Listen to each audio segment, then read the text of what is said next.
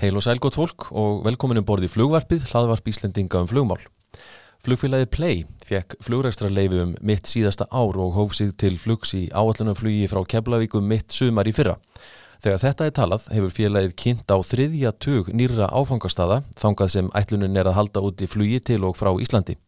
Flugfélagið státa sig af góðri fjármögnun eftir vel hefnað hlutafjárútbóð og þótt stjórnendur félagsins hafi ítrekkað sagst ætlað stækka varfærdinslega þá eru plönin mjög metnaðafull.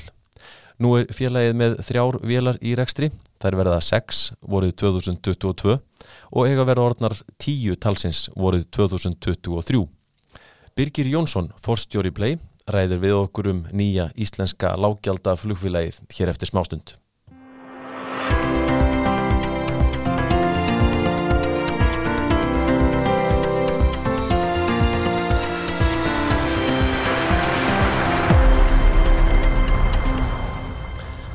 Já, hann er komin til okkar Birgir Jónsson, fórstjóri flugfélagsins Play. Velkomin í þáttinn. Takk hjá það fyrir.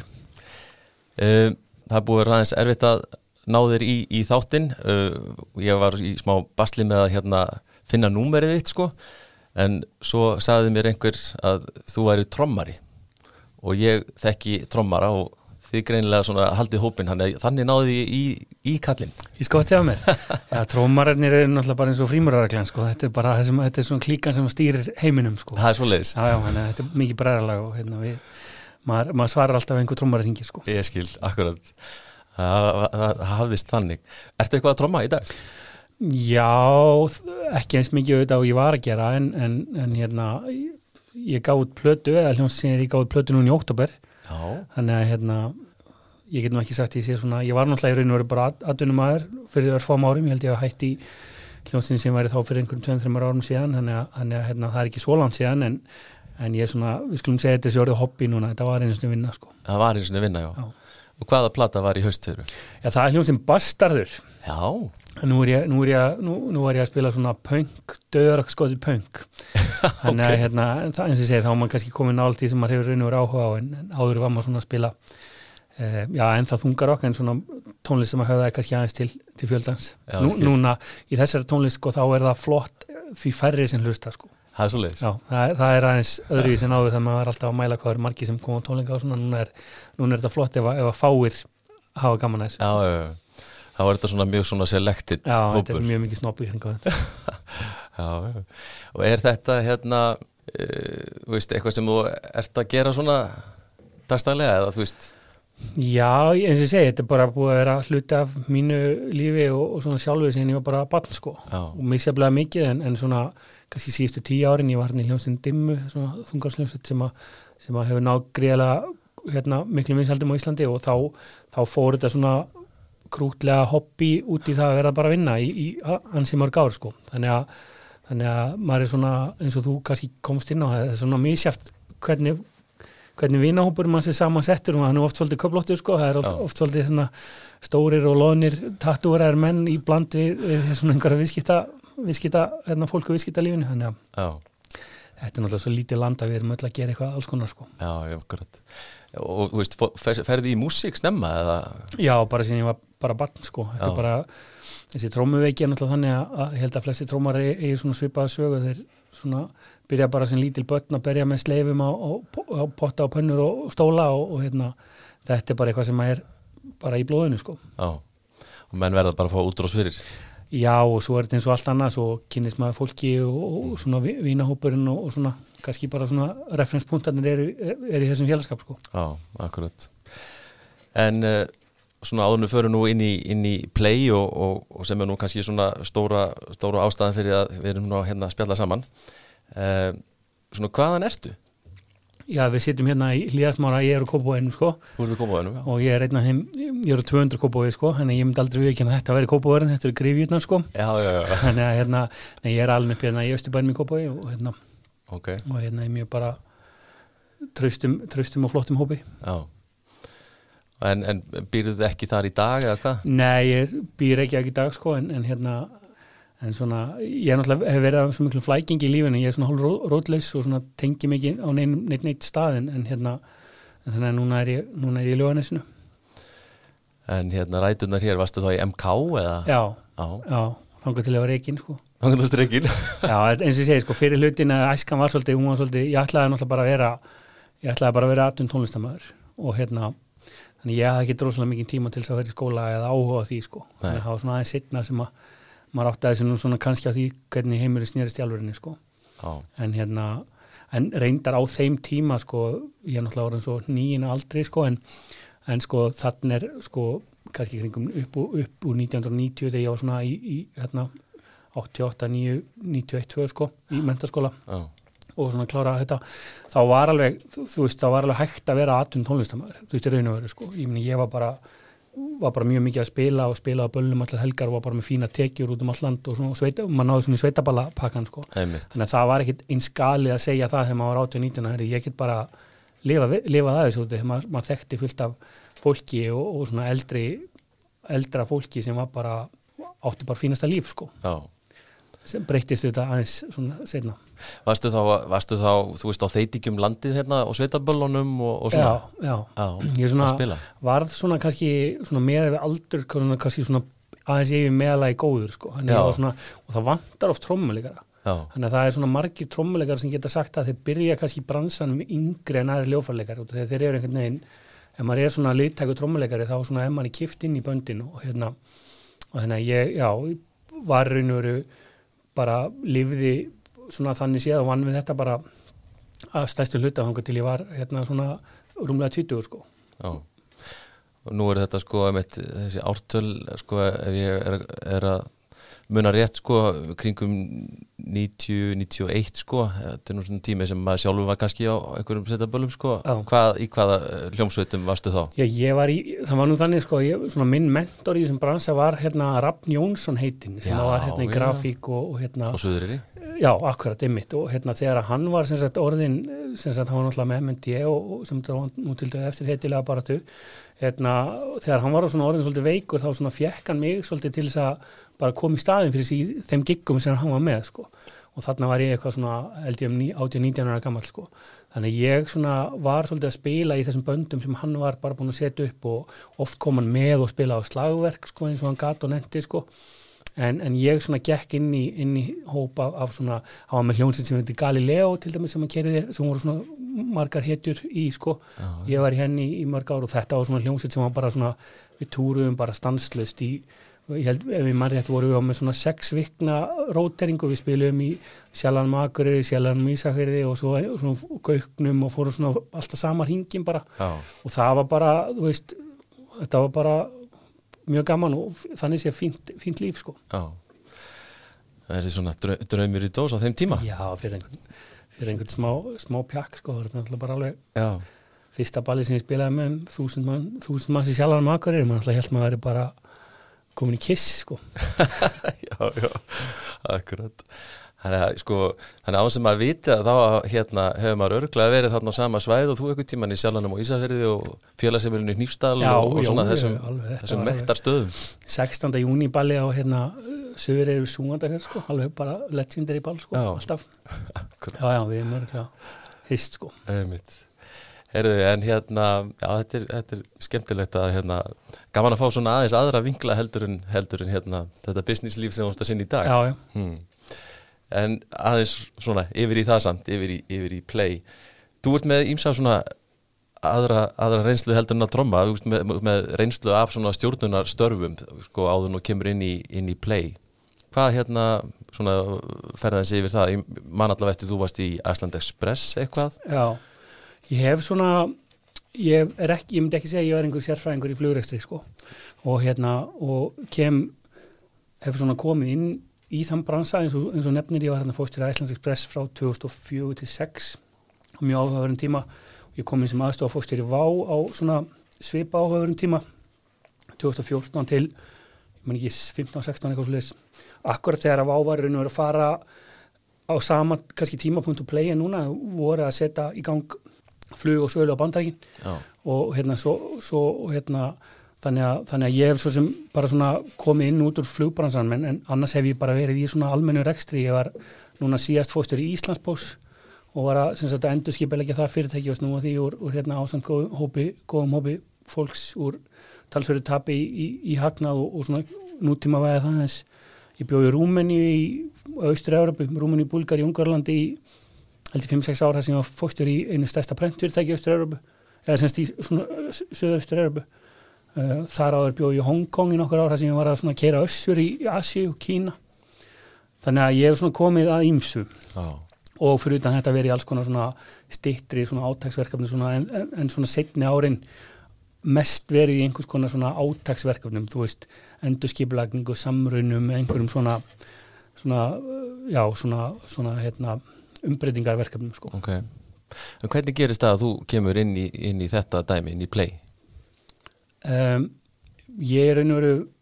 sko teng eða þekki uh, ákveðna svona hlutafar sem eru hann að leiðandi hlutafar og þeir hefðu áhuga á því að koma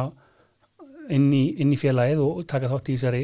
þetta er kannski svona fyrir árið síðan kannski byrjun, byrjun síðast ást 2021 og, og, og þá bara settust þið niður bara í kaffi með mér bara til að ræða brans, bransan almennt. Og ég var svo sem alveg harður á því að ég hafði ekki mikið áhuga á því að koma inn í, inn í þetta uh, og, og stóð það ekki til raun og verið til bóða en þannig ég sagði þeim bara svona mína, mína nálgun og mína skoðin á, á þessum á þessum bransa allan þessum mín, mínum reynsli heimi ég hef svo sem verið í eins og, eins og nefni sko í, í þessum svona fyr, fyrirtæki sem hafa verið að koma upp á íslenska marka með, Æslandir sko, hliðin á Æslandir og ég hef svona séð kannski og hef ákveðna skoðanir á því að maður speklar þá reynslu yfir á bara annan rekstur eins og ég hef nefnt sko, hvað virkar og hvað virkar ekki út af hverju þessi eh, saga hefur eh, verið svona svolítið bröðsótt sko og þannig að, þannig að, þannig að ég talaði bara hreint út um það við það og, og hérna útskýrði, útskýrði svona mitt teik og í því ferli einhvern veginn þá fór að, hann ég kom einhvern veginn inn sem hálfgjörður ráðgjafi Mm. og, og svona einhvern veginn svo fór ég bara svona að kynast fólkinu sem var í kringum play og, og, svona þannig að þegar þetta var síðan orða við mig að, koma þá inn eh, sem, sem fóstur í félaginu þá, þá var ég eiginlega svolítið bara búin að drekka kúleitið sko, mér fannst þetta bara svo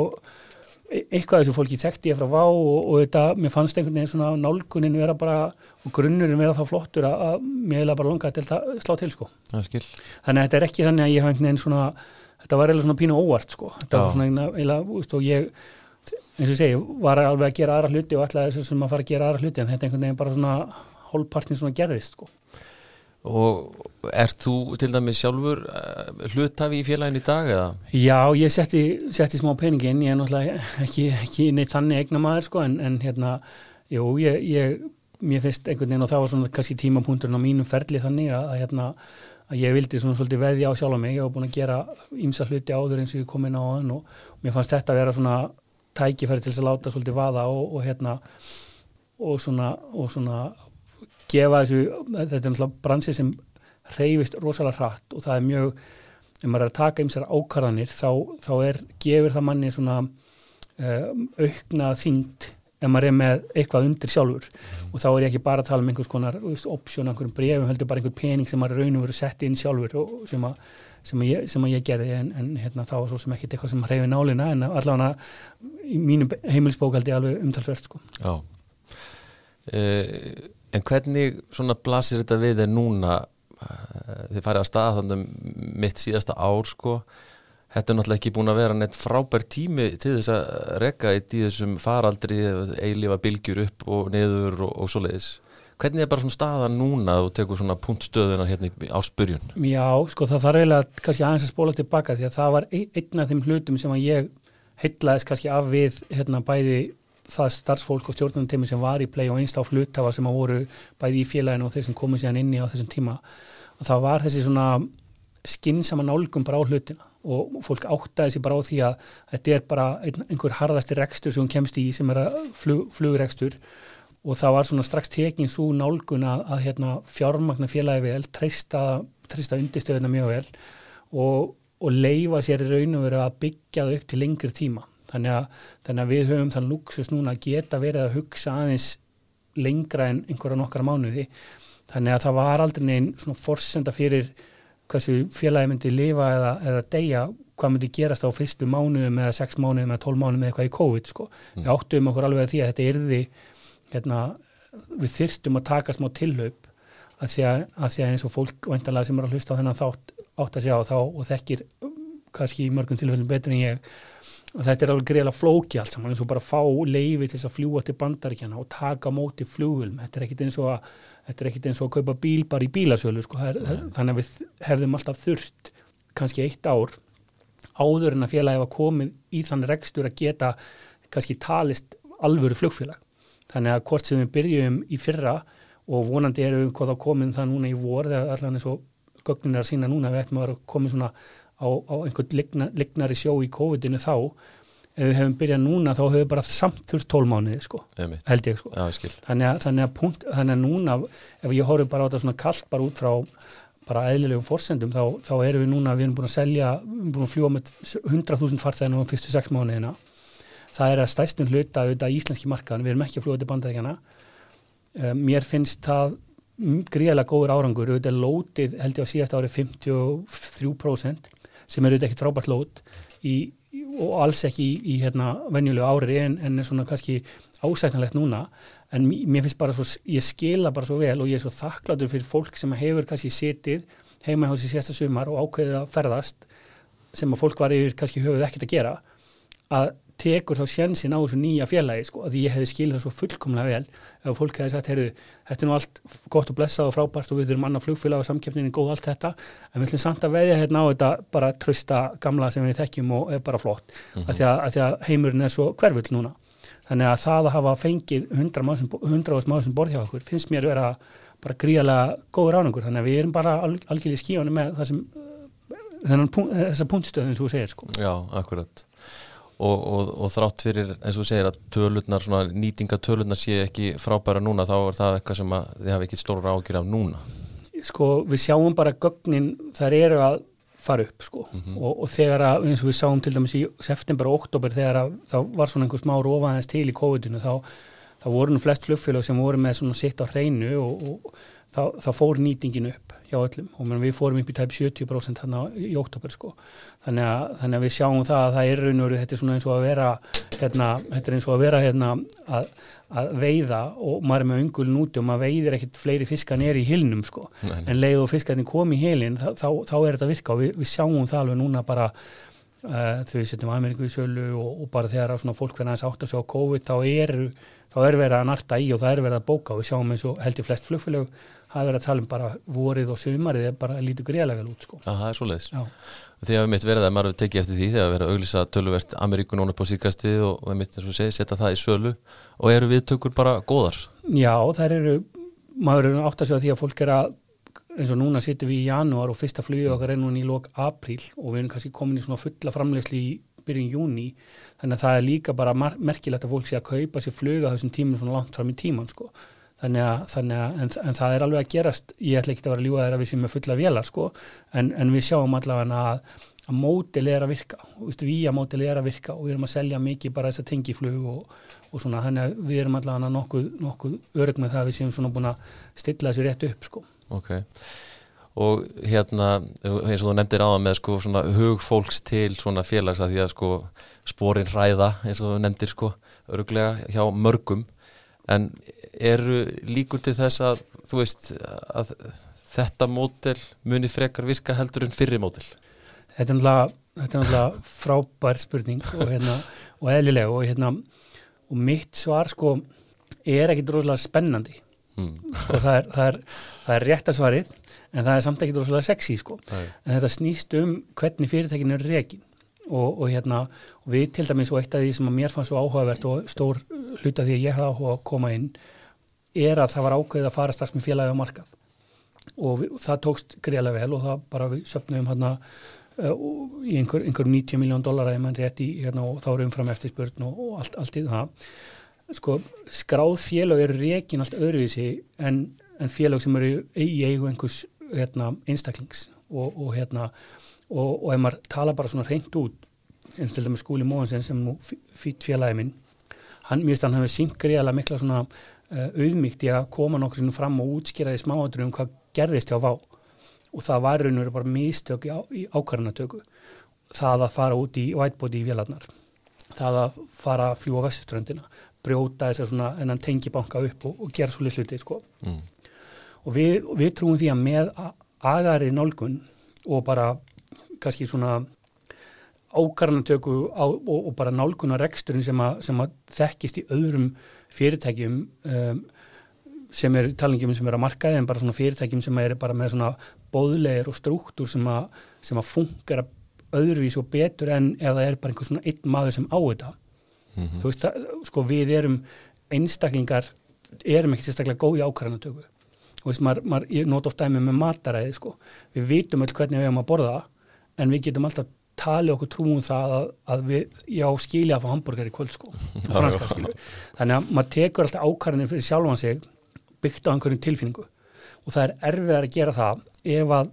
það þarf að fara fyrir einhverja framkvæmda stjórn sem þarf svo að fara fyrir stjórnfélagsins sem er skipuð bara á stóru, það eru fjögur þúsund hlutaðar í play, veist, það eru bara stórir hópar hlutaða sem, sem að kjósa stjórnamenn, það þýðir það að það er erfiðar að taka ákvarðanir sem eru bara svona maður getur ekki bara tekið sjensin eða látið vaða eða, eða, eða svona skilur þetta, þetta er svona agari nálgun á þetta mm -hmm. sem hendar þessum business svolítið vel og það er að þú að flugurestu sé spennandi business og, og flottar flugvilar og, og svona, þetta er svona ákveðin svona hérna, stemming í, í svona rekstri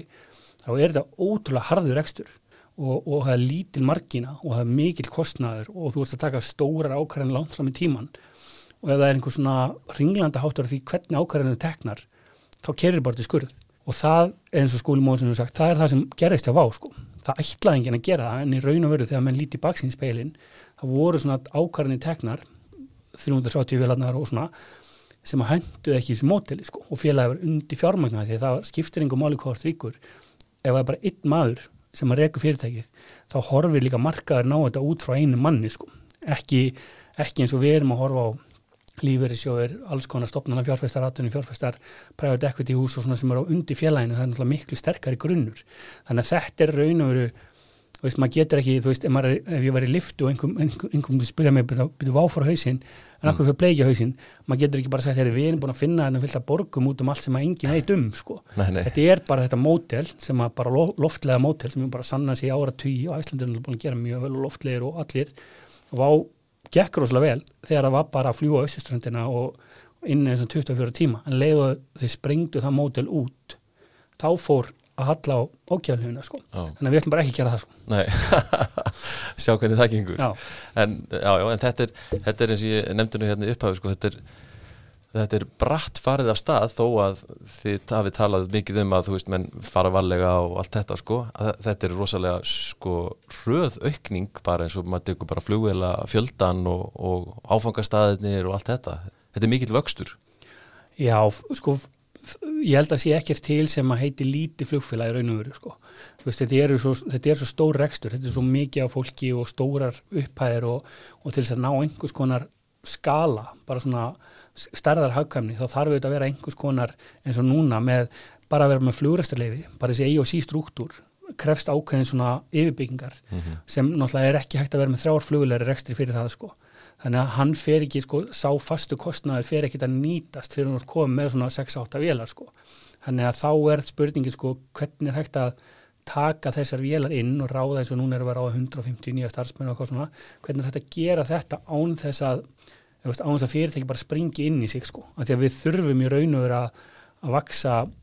auðvitað hratt, sko en það má ekki vera ofrætt það er kannski svona líkillinn sko. Mm -hmm. en við viljum heldur, heldur ekki vaks svo mikið því að við erum heldur ekki með við erum núna heldur búin að tryggja okkur hátt í tíu flugular þannig að það er 2023 og fjögur held ég sem, eða cirka 23 allan sem við nú þá komum með sko sangan plani, planið okkur er að fara upp í 15 eða 2025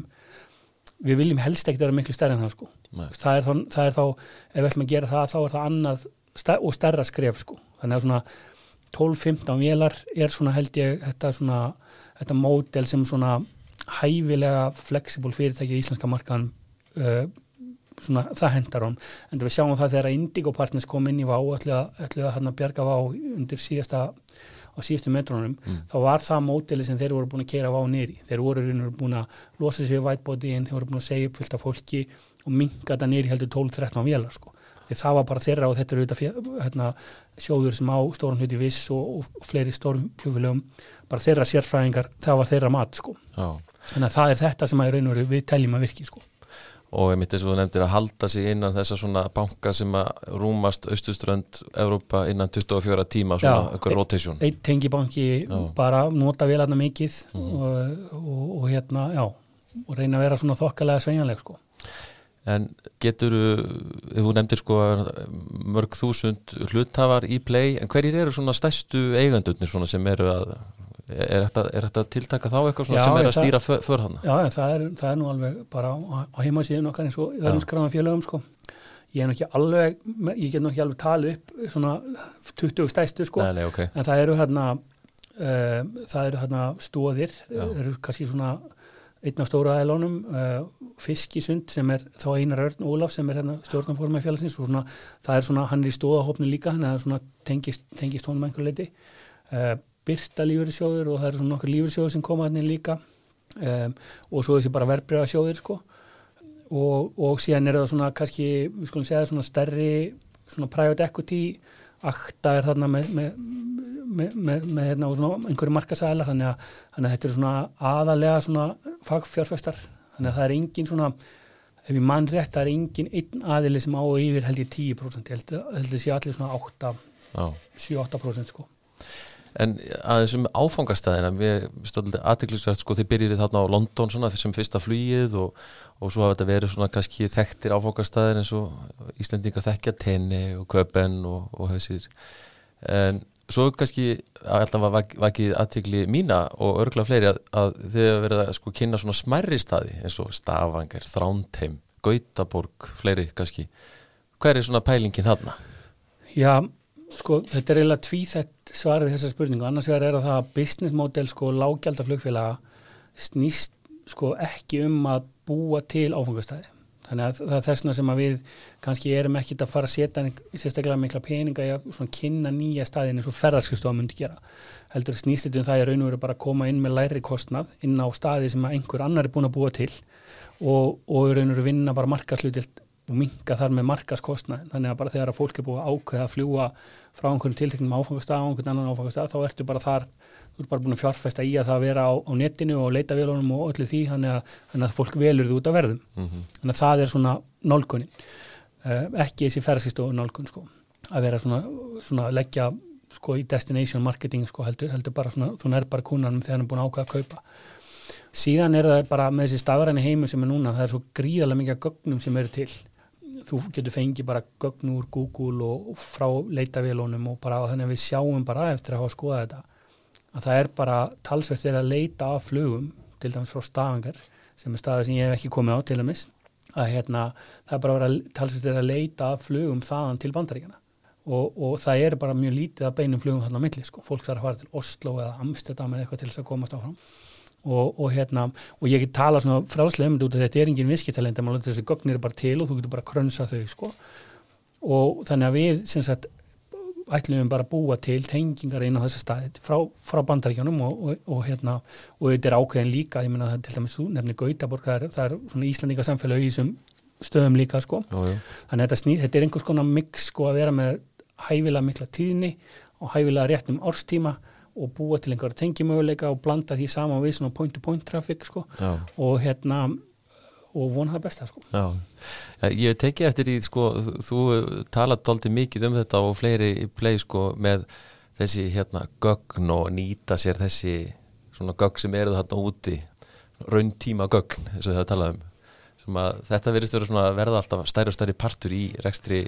fyrirtækja og ekki, ekki kannski sístum með flugfélaga. Já sko stóri kosturinn við að, við að byrja nýtt fyrirtæki er að það þá ert ekki með neitt svo kallar legacy sko. Mm og það er svo, það er svo áhugavert að því að ég get alltaf að tala um þetta því ég er ekki í, í ég skilgarinn mig aldrei sem eins og sáðan sem einhver svona sérfræðingi í flugrestur þannig ég, ég, ég reyna alltaf að vera gestur í bransanum sko.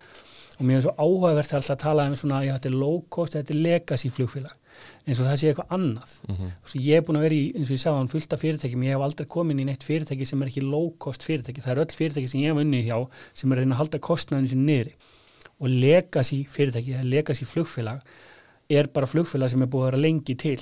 Þannig að það er bara búið að taka mikið af ákvörðunum og fjárfesti mikið af kerfum og alls konar sem á einhverjum tímapunkti er orðið á einhverju leiti úr sig gengið. Þannig að það verður einhver bakki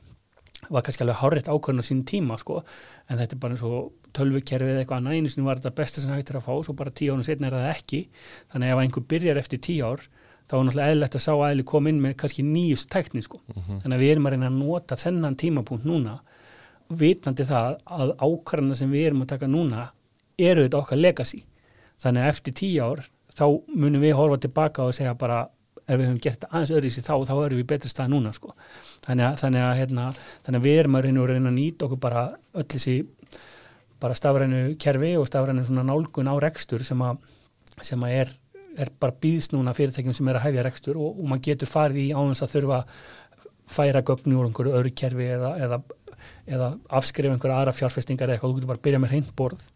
og, og hérna og þetta er bara eins og maður sér til dæmis eins og ég var að tala með svo því bjóðu austur Evrópu eða maður sér í Afríku eða eitthvað ákveðin lönd í Afríku til dæmis hoppuðu bara yfir fastlínu símakerfi sko. Veist, það voru bara beint í þrý ger, veist, það var aldrei neitt sko, þess vegna er þau kannski mjög miklu flottari eins og til þess að ég var að reyka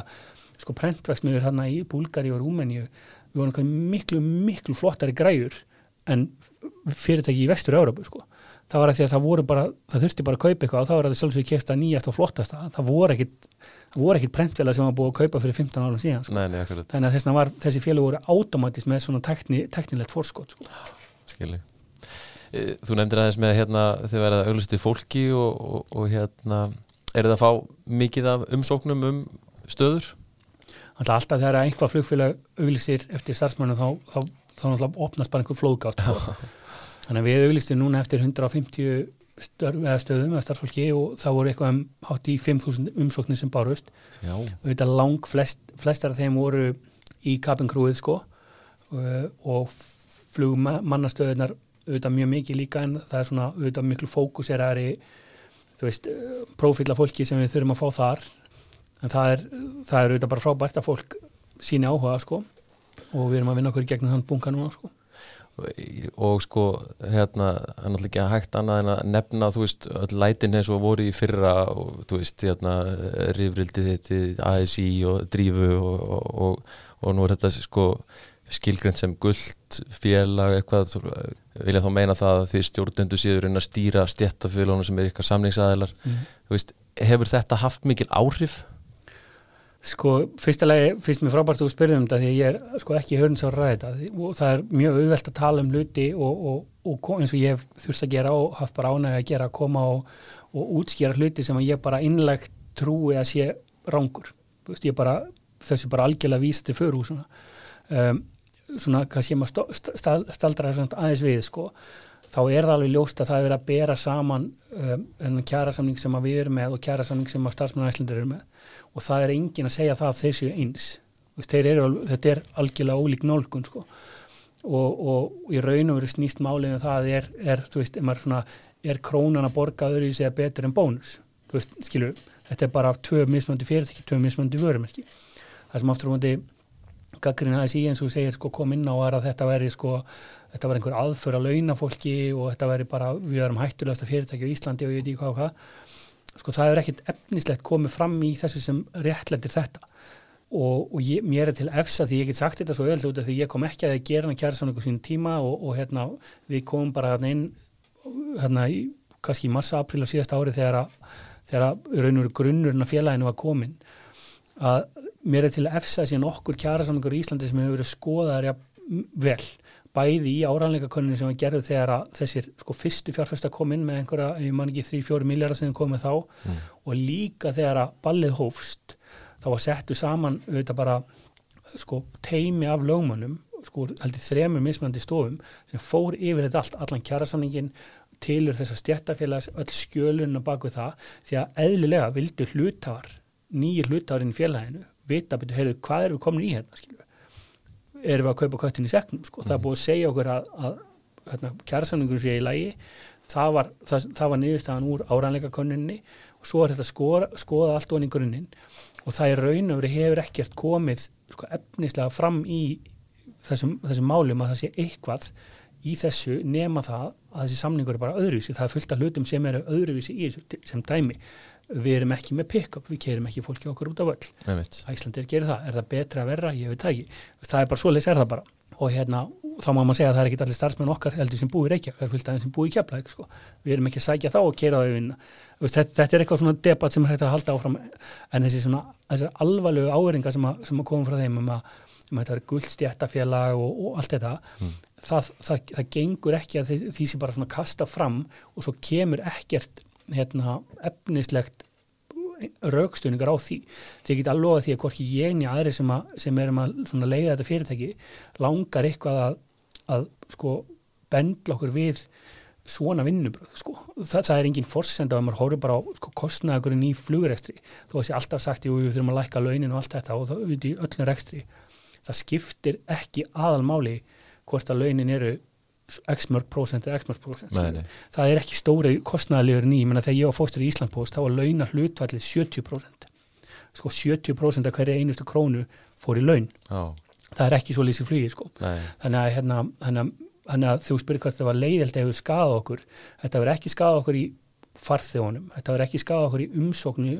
um störf eða veist, kannski einhverjum einstökum tilfellum en ekki svona yfir það heila.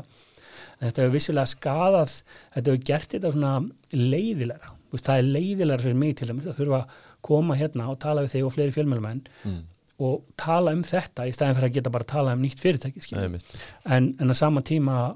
sko, finnst mér að ég ber bara það mikla virðingu fyrir verkefælisfélögum og bara stjættafélögum og, og svona, þá finnst mér ábyrða hlutur að, að ASI þessi tilili gefi bara út svona veist, allir fjárfæstar og allir laun þegar landinu voru kvartið til að sniðganga fyrirtækið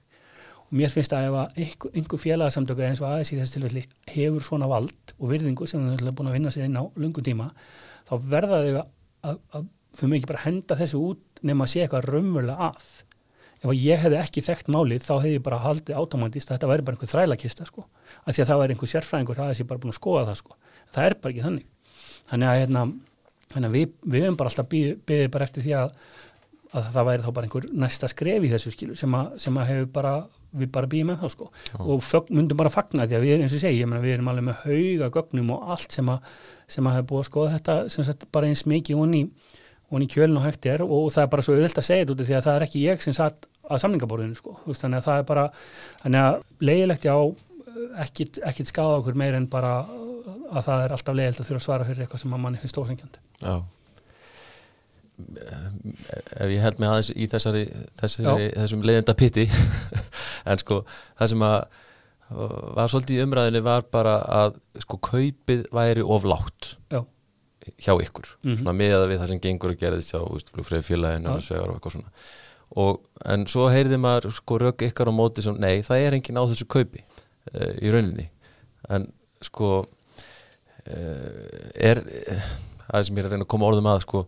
það er einhver kjærasamlingur sko og svo kannski eh, var verkefnisreifingin svolítið að horfa á hér er legsti samnefnarinn í kjærasamlingum sko og gaf sér að fjöldin væri þar en því stöðum móti nei, það er enginn þar það er uh, allir hérna fyrir ofan. Já, og, og svo, þá, þá spyrir maður sko, er það ekki bara óþarfi að hafa þessa, þessa línu neðst í samlingnum, skilur þú hvað ég meina? Já, ég skil það, sko þetta er þetta bara kjaramál í flugheiminum er bara greiðilega flókin og sko vennilegur launamæður er oftast þannig að þú ert með einhver bara taksta mm. sem hækkar eftir einhver ár og svo ert með einhver yfun og vakt álag og það eru launin. Hérna eru við með sko alls konar álag sem bætist ón á dagpenninga akstu styrki fullt af hlutum hvað á að telja til fastra launa sem ég er alls ekki sérfræðingur yfir sko. Þannig að það, það voru semst fjölmilar í manna viðskiptablaði til dæmis hérna, og svo, svo er það annað, svo hefur þetta alltaf verið trúnamál þannig að, þannig að ég hef til dæmis alltaf séð æslandirsamningana sko fyrir enn í fyrra að það var einhver fjölmiðl viðskiptablaði sem, sem að náði í þessar tvo samninga og gá, gáttu borið þetta allt saman. Og þá held ég að það nú eru bara fórsíð á þeim að við í raun og veru þessi lægsti taksti sem er, ég man ekki eitthvað, eitthvað, eitthvað 300 úrskallinn var eitthvað einhverju nokkur þúsund kallum herri en hjá Æslandir mm -hmm. sko, það, sko, það er engin að fljúa hjá okkur nýja Æslandir á þessum launum skilju þannig að, þannig að ef maður vil bara bera saman þau tvö fyrirtæki sko. mm -hmm. það kom einhverju dagpenningar inn í hérna, einhver, einhver fartímar eða hvað þetta heitir allt saman sem ég nú ekki sér einhver í uh, það sem aftur á móti þetta byrjaði, byrjaði hérna þessi ASI mál var uh,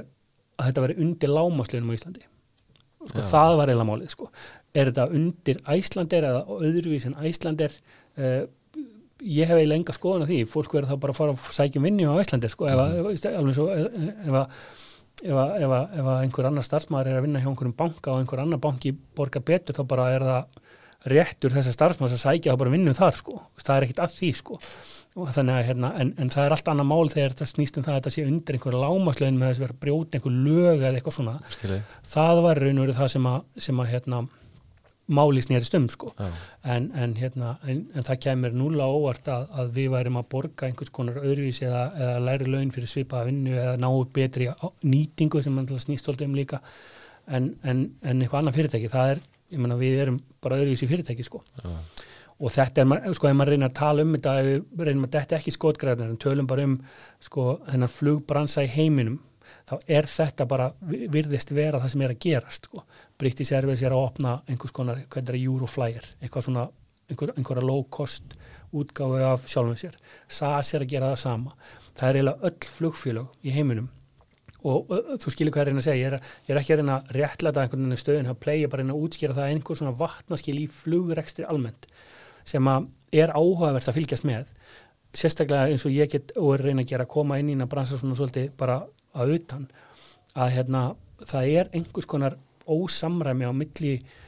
sko væntinga viðskiptaðina út af því að við sjáum það allavega í minni upplifun er að fólk meira og meira verði stýra. Og það eru engir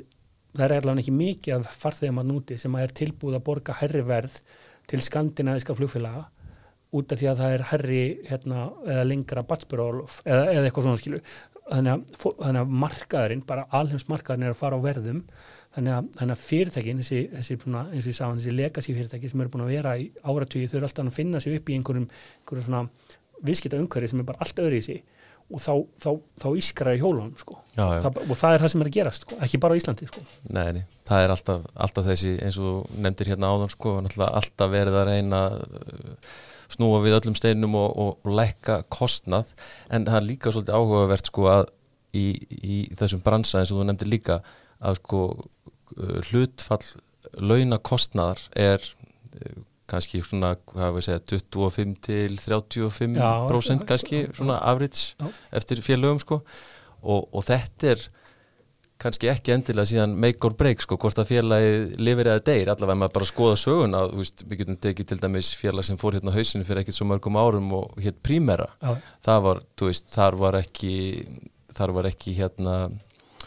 háar launatöflurnar sko sem að feldu félagi í nei. það er, eitthvað, aðri hlutir Já. í rekstrinu sem að skipta kannski jafnvel meiru máli. já, það sem er samt í flugræstri þá bara það er svo stórir kostnæðileg sem þú stýrir ekki Já, þú, þú, þú getur kannski sagt þér að þetta sé einn af þeim kostnæðilegum sem þú stýrir Mhm. eða hefur einhver áhrif Einhver á, áhrif á, já. en auðvitað er það líka eðlilegt og, og það, það má aldrei fara út í það sko að, að hérna, auðvitað er það svona leikurinn hlýtur að snúast um það að fyrir, fórsvarsmenn fyrirtækja er að semja við og einhver leiti takast á við fórsvarsmenn stjættafélag um að, um að einhver vil lækka laun og annar vil hækka laun það, klárlega. það er eðlilegt, Það það á að vera svoleiðis Já, já. og, og það kemur einhver niðurst á því og fólk er svona þokkalega sáttið það og, og svona báðir aðalega svona hæfilega ósáttir væntanlega sko Já, já. og veistu, en, en svo bara heldur lífið áfram og það er allir raunum verið í sama bátnum og, og svona, það er, það er eðlilegt sko. Sko, hvorki ég í þess tilvillin ég bara neitt annað sem ég þekki og ég hef bara aldrei hitt þann mann bara í, bara viðskipt, bara í, á mínu ferli sem að langar til þess að nýða skóina starfsfólkinu sínu, það, það, það er bara ekki góða tvíböku, skilur, Nei, skilur, nei. það er bara ekki góða business, skilur, af því að hvað gerist þá, það bara gæðin fara niður þjónustan við viðskiptavinn og bara það er ekki sustainable leið, sko, þannig að hérna Starfsmann að velta jafnvel Já, og, svona, bara, sko. og bara vesen sko. þannig að, hérna, þannig að þetta, þetta er bara svona balans sem, sem að þarf að einhvern veginn að ná svona tökum á sko. Já, en ég ætla bara hérna, að því, að því maður nýður sem bransa sjálfur sko, og hérna, þá ætla ég bara vera ósamálaður um að og, og ætla að vona að þú veist, þrátt fyrir þetta trend og þetta þá vil ég bara trúa því að þetta sé ekki bara allt niður á við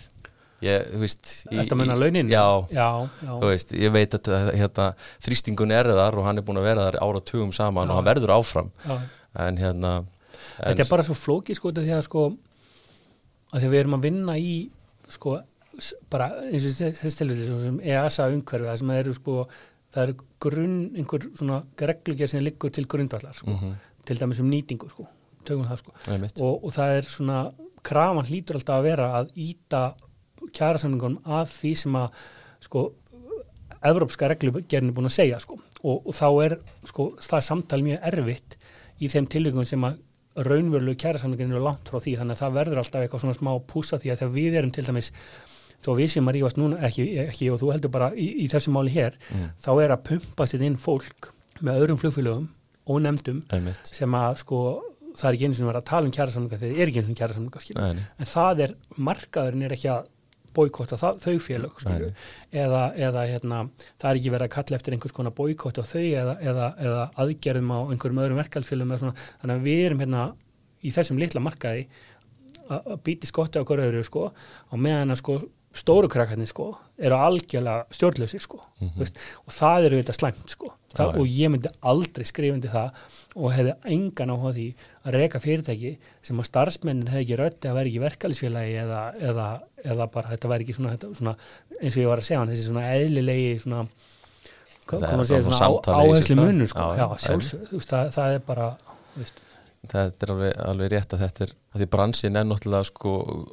global, hann er, hann er, hann er nattrætt sko, Já. en svo ertu bara með Evrópurreglur eins og nefndi, svo ertu með aðrar Ev- Ameríkurreglur og, og síðan ertu með skattaumhverfi, hist og her og, og þetta já. er bara svo erfitt í öllum samanburði. Já, en það sem, að, það sem að myndi vilja sjá væri að, þú veist, að það væri svona hægt að sjallast á einhvern svona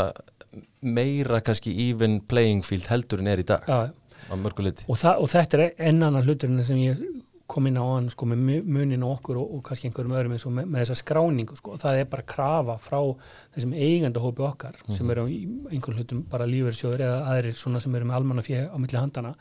um að bara allt sem heitir þetta samfélagslega ábyrð og bara sustainability og bara veist, hvernig þú kemur fram bara í þessu þjóðfélagi að það sé bara hérna, upp á borðinu og það sé ekkit það sé bara algjörlega til fyrirmynda sko. og, og hérna, þess vegna tökum við þetta svona alvarlega sko. Þannig, að, hérna, þannig að þetta er, þetta er bara já, þetta er, þetta er auðvitað bara samtal sem mun, mun halda áfram Já, og þú, hérna, talandi um sko, tölur og markaðin, þið voruð kynntuð með pompa prakt hérna,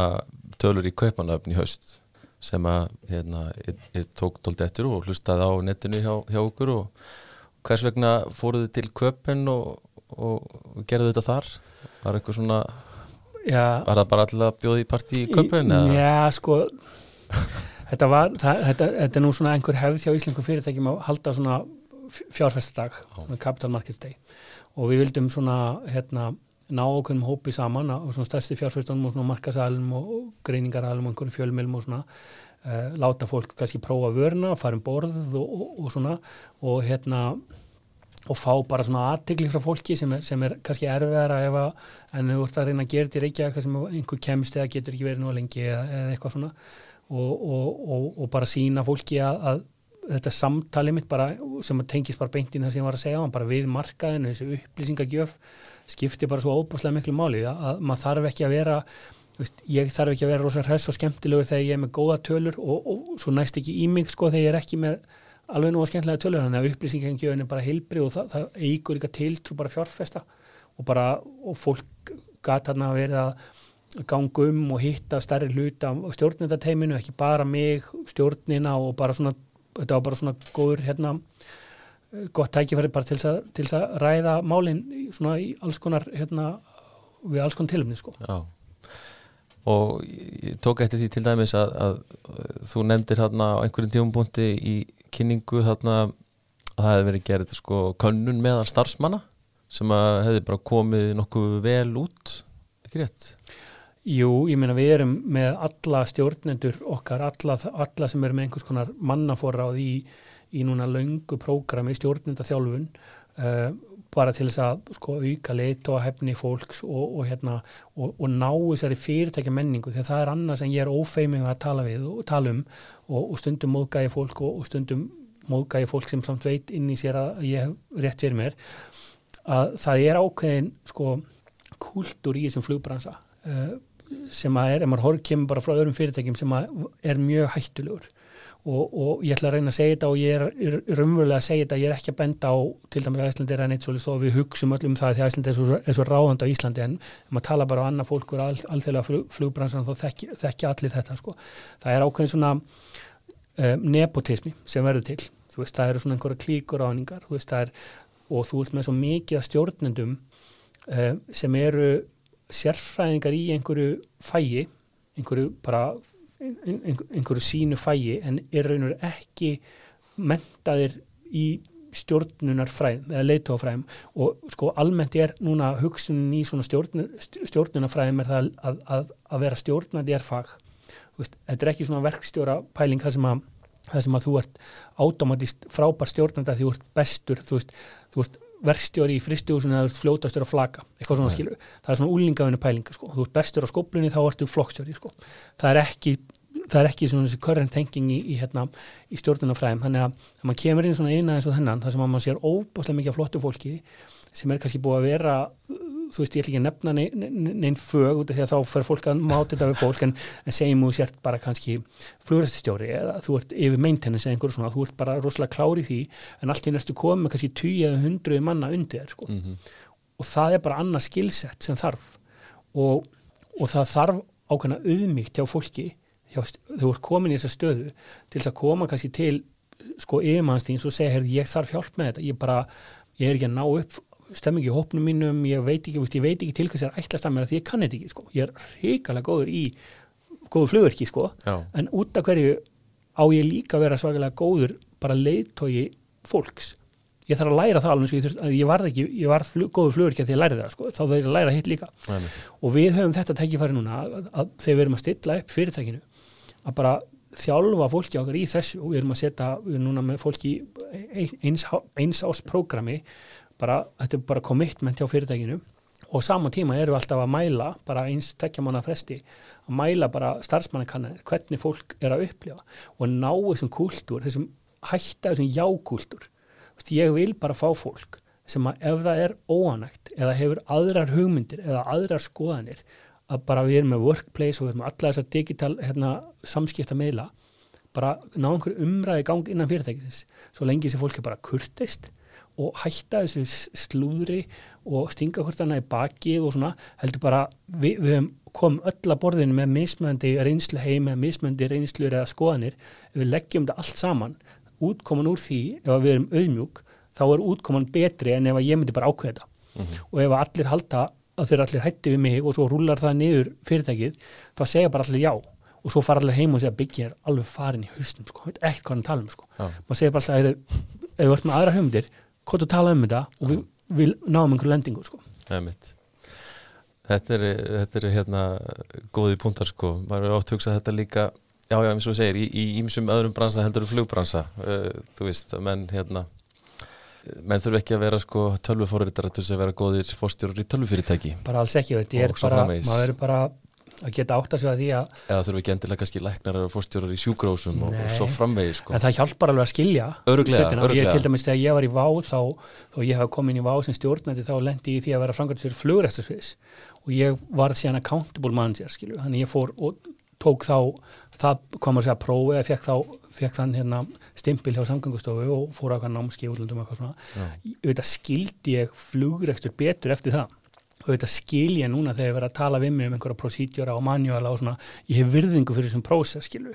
ég kem ekki bara að hugsa bara þetta er eitthvað akkur, akkur þú ætla að segja með þetta megi ekki, voldur neikvæður. Það er bara út af því ég skil, það er bara búið að kenna mér að svona vin, vinnur bara í og sístruktúrin og það er bara prosídjór auðvitað hjálpar mér, en ég er ekki að segja ég er ekki að segja að maður er ekki að vita neitt. En ef maður getur einhvern veginn lagt saman bara þekkinguna sem maður hefur á dóminu eða bara því sem maður er að gera og komið með einhverja svona stjórnunar fagþekkingu inn líka þá, þá á maður í betri málum og, og við sjáum það bara kynnslóðin kannski undir okkur, ég held að við séum nú svipum aldrei, mm. svona undir okkur og svona þessi nýja svona bara kynnslóð sem er að koma upp er miklu tilfinningagreindari af því að hún er ekki eins óörg með sig eins og við erum, það er ekki bara svona herru ég er fóstjóri félagsins, allt sem ég segi er automatist réttar en sem þú segir bara því einhver reyðum sem fóstjóra mm. Það er hættulegt sko maður verður að átta sig að maður er fóstjóri eða einhver stjórnandi þá snýstum að ná upp þekking og reynslu og skoðun þegar sem verður að vinna með mann teiminu sko. Akkurat Þú nefndir líka hérna manni á, á þessari kynningu hérna svo ég vitna aftur í það sko að, að þið væru svona umræðum þessar low, low cost uh, fjarlægið þið væri með laser fókus á kostnað sagður. og hérna nefndi meðalann sko að það væri sko ákveðin svona starfsmanna fjöldi per vél sem þið vildi ekki fara yfir er, er það að ganga upp? Já, vil maður undir 50 Já. á vél. Um, það þetta sko er einn af þessum breytum sem að við erum svona svolítið nála 50, 47-8 núna sko. Auðvitað eftir því sem við færi velar því er við erið það sko en, en þannig að er kannski sviplast aðeins núna þegar við erum að komast upp í næst skala. En það er svona, það er svona einn, einn af þessum mælikvarjum sem maður sér flugfélög ellendis við erum að fara að nota meira sko. Til þess að hérna, þetta er bara svona einfald, einfaldu mælikvarji til þess að mæla yfirbygging og það er svo auðvelt að segja um öll fyrirtækja svo mikil yfirbygging þú getur bara séð þetta svona snöggu tjekki þannig, þannig sko. En hérna þið eruðu náttúrulega eins og segir að fjölga starfsfólki og, og, og svo leiðis og hérna voru líka að kynna þarna á þessum tíma útibú í Litáin Já. hvaða starf sem á að vera þar? Og er, er, hafinn sko, okay. um, þar voru við til dæmis núna að ráða inn uh, held ég sex uh, starfsmenn í, í svona þjónustuver, svona service center við erum að ráða inn starfsmenn í svona markas, hérna svona digital hérna, analista og, og svona markas hérna, störfin. Uh, við verðum með eitthvað hérna uh, svona, hvað við segja, svona back office fyrir hérna flugrækstur, þú veist svona einhverja lokka og, og svo leiðst út sko. Um, það verður eitthvað svona admin af skrifstofinni bókald og, og slíkt sko uh, já, þannig að þetta er, við skulum segja þetta séu svona skrifstofstörf uh, úr, úr, úr svona eila af næstu öllum sviðum. Alls konar svona stóðdeldum með svo leiðis já, eða, já, eða eins og segir sko ég, mena, ef maður, ef maður, ég ætla að ráða núna eins og við erum að gera einhvern sérfræðing í sko stafrænum stafrænum markasetningu, þá er bara ekki mikið að svolítið fólki til á Íslandi. Ef maður fer á einhvern evropska markað þá er bara fleiri, fleiri svolítið aðlega til, ég ætla ekki að segja það auðvitað sjálfsögur er hérna launakostnæri lærri, en hann er ekki það miklu lærri eins og fólk heldur. Þú ert komin í svona störf sem er sam, samkjöfnum þetta er, þetta er, þetta er alls ekki þetta er, þetta er alls ekki neitt, neitt, neitt kling en það er aftur á móti það sem, það sem ég er spennt aftur yfir. Það er að ná þessum svona alþjóðlega komur að segja svona vingli á starfseminna ég er óbóðslega hrættur um að vera með of mikið af fólki sem að lifur hærist í þessum litla íslenska markaði þegar að sko hlutal farþega eða, eða viðskiptæðina fyrirtæki sem sér er bara pínu lítið á þessu marka skilur að láta stýrast og mikið markastarfi og svona hvað íslenski marka, hvað hún finnst eða gera of mikið auglýsingum á Íslandi eða eitthvað svona, heldur bara átta sig á því að við erum með marka í bandaríkjanum og marka í Európu og, og, og hérna íslensku marka er, er bara einna heim sko að reyna að ná þessu svona alþjóðlega hérna bara attitút í fyrirtækinu og það er auðvelt að gera það í flugfélagum því að e, þú veist eins og við, ég menna við tölum, ég hugsa, ég, ég tala örglega ennsku svona 90% af hérna í vinninu á daginn sko ah. bara allir postar, allar kynningar fyrir stjórn eða innan það er mjög auðvelt fyrir ellenda aðeins að koma inn í svona félag sko og maður er bara að nota það sko ah. en sko flugreksturinn flug, sko áhafnir og, og allt það eru auðvitað, höppin er alltaf á Íslandi ah. og þetta er einn ein ástæðan fyrir því að við erum að fá svona mikið umsóknum frá erlendum uh, eða sem sagt auðvitað augljóslega ekki 5.000 mann sem er að sækjum á frá Íslandi, það er mjög mikið evróskum umsóknum það er bara út af því að fólk vil vinna hjá skamdinanskum flugfélagum út af því að við erum að borga betur Vist, það er bara fullt af fólki sem vil ekki vinna hjá ræðin er út af því að play er að borga betur sko. eða var hjá vá eða vil koma aftur eða, eða eitthvað svona sko. þannig að mm -hmm. Þannig að ég segi þó að þó að við séum að hérna, að rífast svona millokkar hérna á Íslandi að einu aftur ekki og þú heldur bara hérna einu á Íslandi þá, þá, þá, þá fólk sem er að vinna bara í eurósku umhverfi vil mjög gætna vinna á þessum Já. launum sem við erum að borga hér sko. Já, þó einhverju kvarti. En þannig að það er ekki Nó er aldrei nóg sko, nei, ég hef aldrei hitt neitt sem er of háum launum, alveg að sagja hvað hann gerir sko. Nei, einhver góður segi ég, ég skal segja stopp, þess að segja maður ekki stopp. Nákvæmlega sko. En hérna, þannig það er það, það er ekki þannig að þetta sé eitthvað fyrsta skrefið í að færa félagið alfærið þarna út, heldur bara eins og segir bæta við reksturinn og, og, og halda þessu flugrestri hér heima Já, sko, það þú veist, starfsemin okkar mótil okkar snýst allt um að vera mm. þetta tengimódil á Íslandi Já. og það myndi aldrei ganga ef við ætlum að vera með sko flugræstilega einhverjar annar staðar eða, eða eitthvað svona, það, það, það, er miklu, það er miklu flóknar en bara svona hendaði fram sko, önnu flugfélög annars sem hún nefndir á hann gæt kannski gert á þetta að businessin þeirra var annar staðar eins og prímera sko, það var kannski ekki þau voru ekki með svona tengitrafík á í gegnum Ísland og, og, og þannig, að, þannig að það var svona allt, allt önnu nálgun en, en hérna og, og annað eignarhald, við myndum ekki þó myndum vilja það sem við viljum ekki það, við myndum aldrei geta gert það bara út af því að við erum á sama tíma á íslenskum hlutabriðamarka, við erum að sækjast eftir íslensku fjármagni og þá, þá, þá er engin hlutafi núna, sérstaklega þessu svona, á þessum tímum sem, sem eru núna, þessu, þessu svona upplýstum tímum, maður getur orðað þannig, sem myndur bara skrifa undir það að business modeli gengi út af það að eins og ég sagði á að nýða skóin að bara íslensku samfélagi eða íslensku launamenn, sko. Þa, það bara gengur jöpp, sko. Akkurat. Þið eru með hérna engungu Airbus-flugvelar er ánægja með þær sem að þið hafi fengið og, og er það að fara að fá? Já, við erum með þess að 320 fjölskyldu, hérna 321 nýjó og 320 nýjó sem við erum að fá núna í, í, í vor uh, sko ég er eins og segja, ég er ekki flugmaður eða, eða mikill flugnörd yfir höfuð en, en,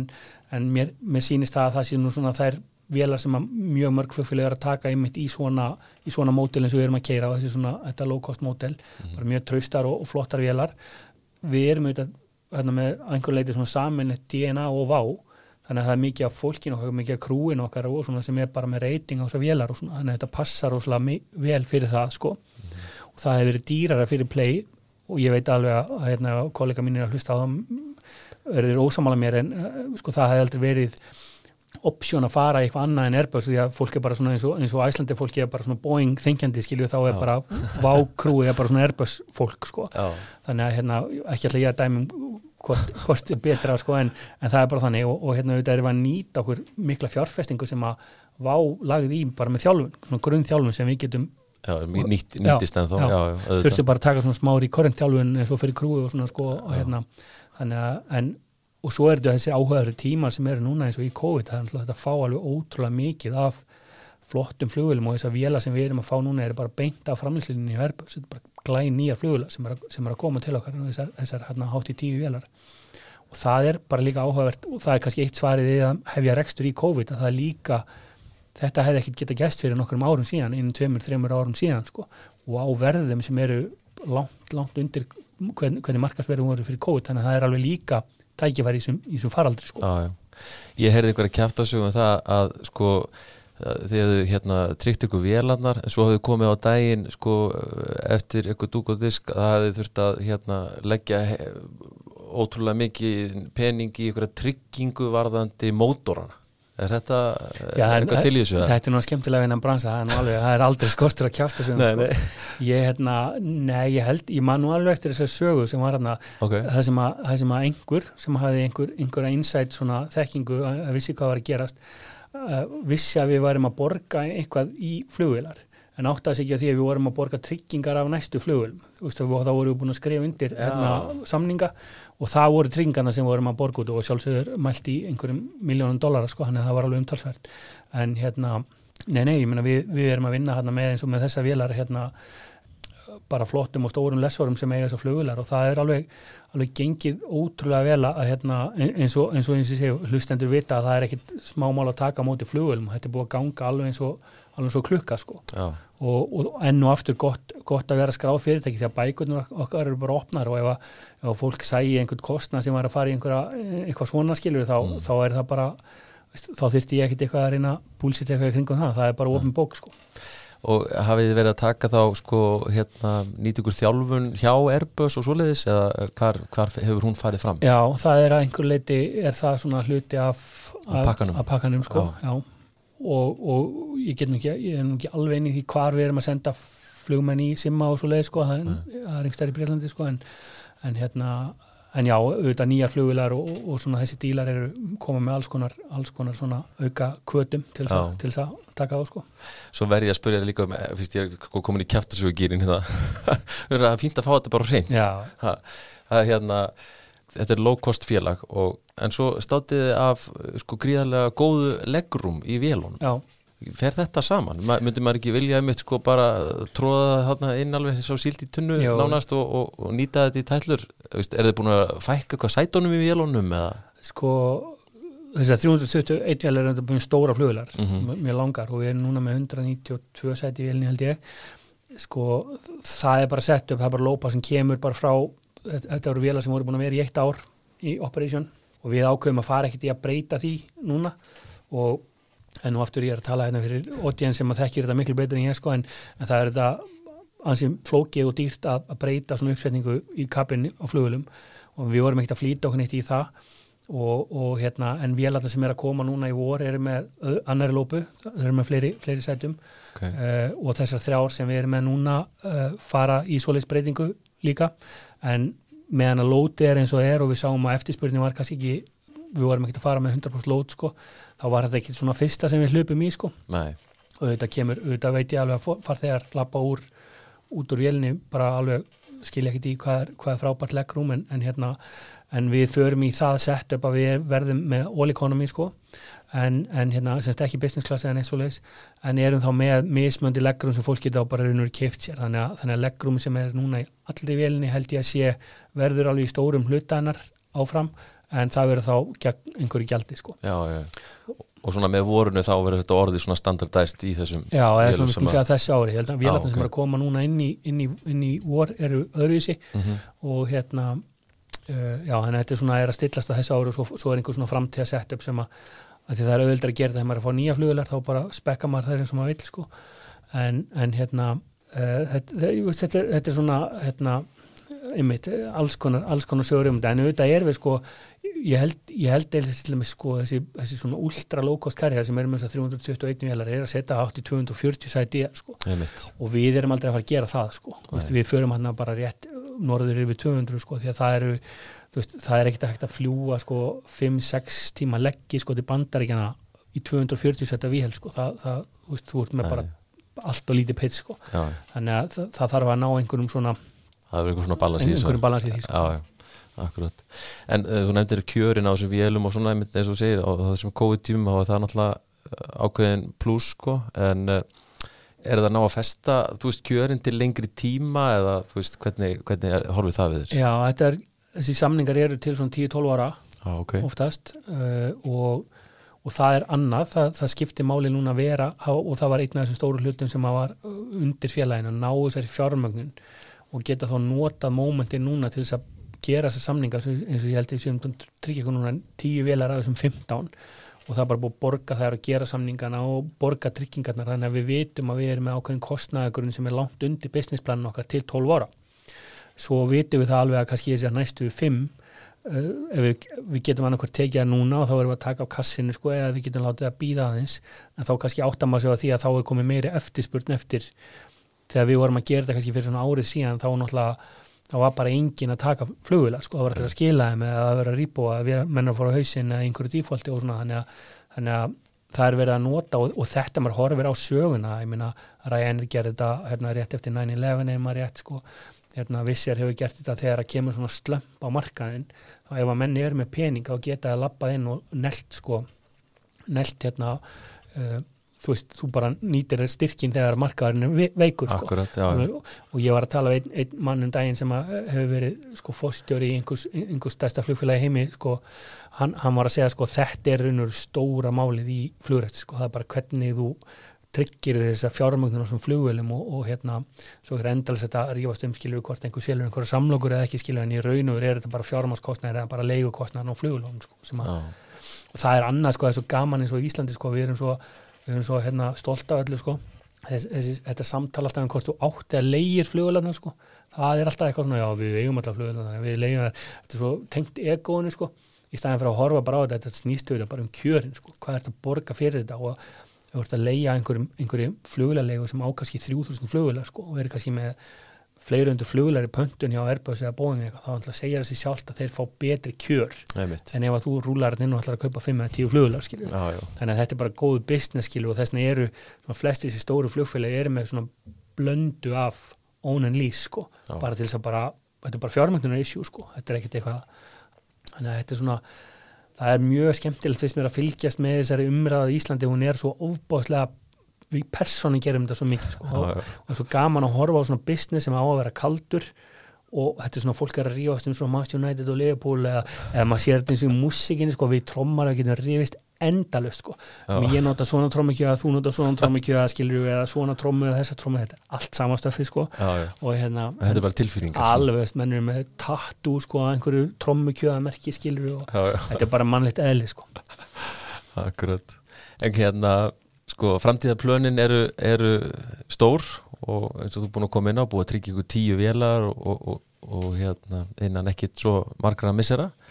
En, en eins og með þessar vélar, eru þetta vélar sem að þið er það leia eða eigið? En við, leig, við leigjum allar, allar Við leia sko, allar, já. já, akkurat og hérna bara nákvæmlega byggt á þessu að, að Já, þá, á þessum góðu kjörum Já, já. og þá eins og, eins og menn hafa geta fengið núna svona pábæði áver kjör líka skilur sem að þannig að það er þannig að ef þú kemur inn svona tildalega sterkur inn á marka sem er í niðursveiflu þá getur þú eins og ég sagði gert ímsa díla sem þú myndir ekki fá venjulega sko Einmitt. og hérna þannig að þetta er bara spurningu hvernig þú nota krónuna sem þú ert með hennar reiknum sko. Já, já. Og hvar sérðu svona, ef við förum að stýtta þetta í annan endan svona, sérðu play fyrir þér eftir fjögur, fimm ár? Já, það er nú að góða við þetta, sko, við erum bara með þetta plan sem, að, sem, að, sem er bara mjög skýrt og við þurftum auðvitað að leggja bara fyrir þegar við fórum í skráningun á markaðin, sko. Við erum með svona, fyrst með tempraða svona agaða nálgun á þetta. Þú veist, ég er ekki, mun ekki segja þér að við verðum eitthvað leiðandi flugfélag í Európu eða, eða, eða ætlum að vera eitthvað risastór, við ætlum að vera lítil. En lítil í flugræstri er samt, veist, 15, Stórt á Íslandi, Já, sko. og 15-20 fluglar er ekkit lítið þannig, sko en, en við ætlum allavega sko, að, að, flýta okkur þokkalega hægt með þennan bransa og, og hafa bara þessa svona viðskiptalegu svona öguðu nálgun í þessu sko. Hérna það er held ég veist það er held ég líkillin að þessu og reyna að láta svona tilfinningarnar vera svona undir, undir stjórn einhvern veginn sko. Og, og, og þetta snýst þetta bara um frambúð eftirspurð sko. Og það er annað sem er svo óhært núna til þess að nú er all flugfélag að draga saman sko, bara janúar og februar hérna COVID, Omikron og eitthvað. Þá er alltaf bara, já, þeir eru að draga saman flug og maður bara, já, það þýr ekki að selja snjóþóttur í júli, sko veist, þá þýr ekki að vera að selja flug til einhverja borga sem eru bara í útgöngubanni, sko þannig að það er bara, að flugfélag sé að gera það, sýnir bara það að stjórnendur þess að flugfélag að vita hvað þeir eru að gera, sko það er ekki, þú getur ekki eitthvað sagt, sett egoð og borðið alltaf bara fljúa með hálftóma flugular bara bara, að Bara að töff, já, það, Já, það, það, skilur, það er þessi nálgun sem ég er að tala um, bara þetta er bara frambóð eftir spurn á Mhm. gríðalega hörðumarkaði og maður verða bara að dansa, dansa með henni sko. Einmitt. Og sérðu fyrir þér að þú verðir viðlóðandi félagið uh, næstu árin? Já, ég ætla að vona það, ég, eins og ég sagði á hann ég, ég, er náttúrulega, ég veðiði á, á það og veðiði á sjálfa mig í því og, hérna, og er svona það er þá, það er þá ákvörðin einhvers annars en mín hérna, það má alveg reka mig en, en, en ég held að ég, Já. ég ætla að taka þetta stríð sko. Já. Hefur gaman að þessu? Já, þetta er auðvitað lífstíl og þó ég sé að sitja hérna og segja að maður sé að ég er nú ekki mikill flugnördu þetta er þetta hér og þetta skilur, maður er auðvitað bara í þessu 24 tíma á dag skilur og, og þetta er auðvitað alveg ógæslega skemmtilegt sko. Það er ágætið seta enda punktur finnst mér á þessu spjalli. Birgir Jónsson, takk kærlega fyrir að koma í flugvarpið og segja okkur frá play og sjálfum þeir aðeins. Takk hérlega fyrir Sendum hérna amen á eftir efninu. Takk fyrir að hlusta. Þar til næst. Góða stundir.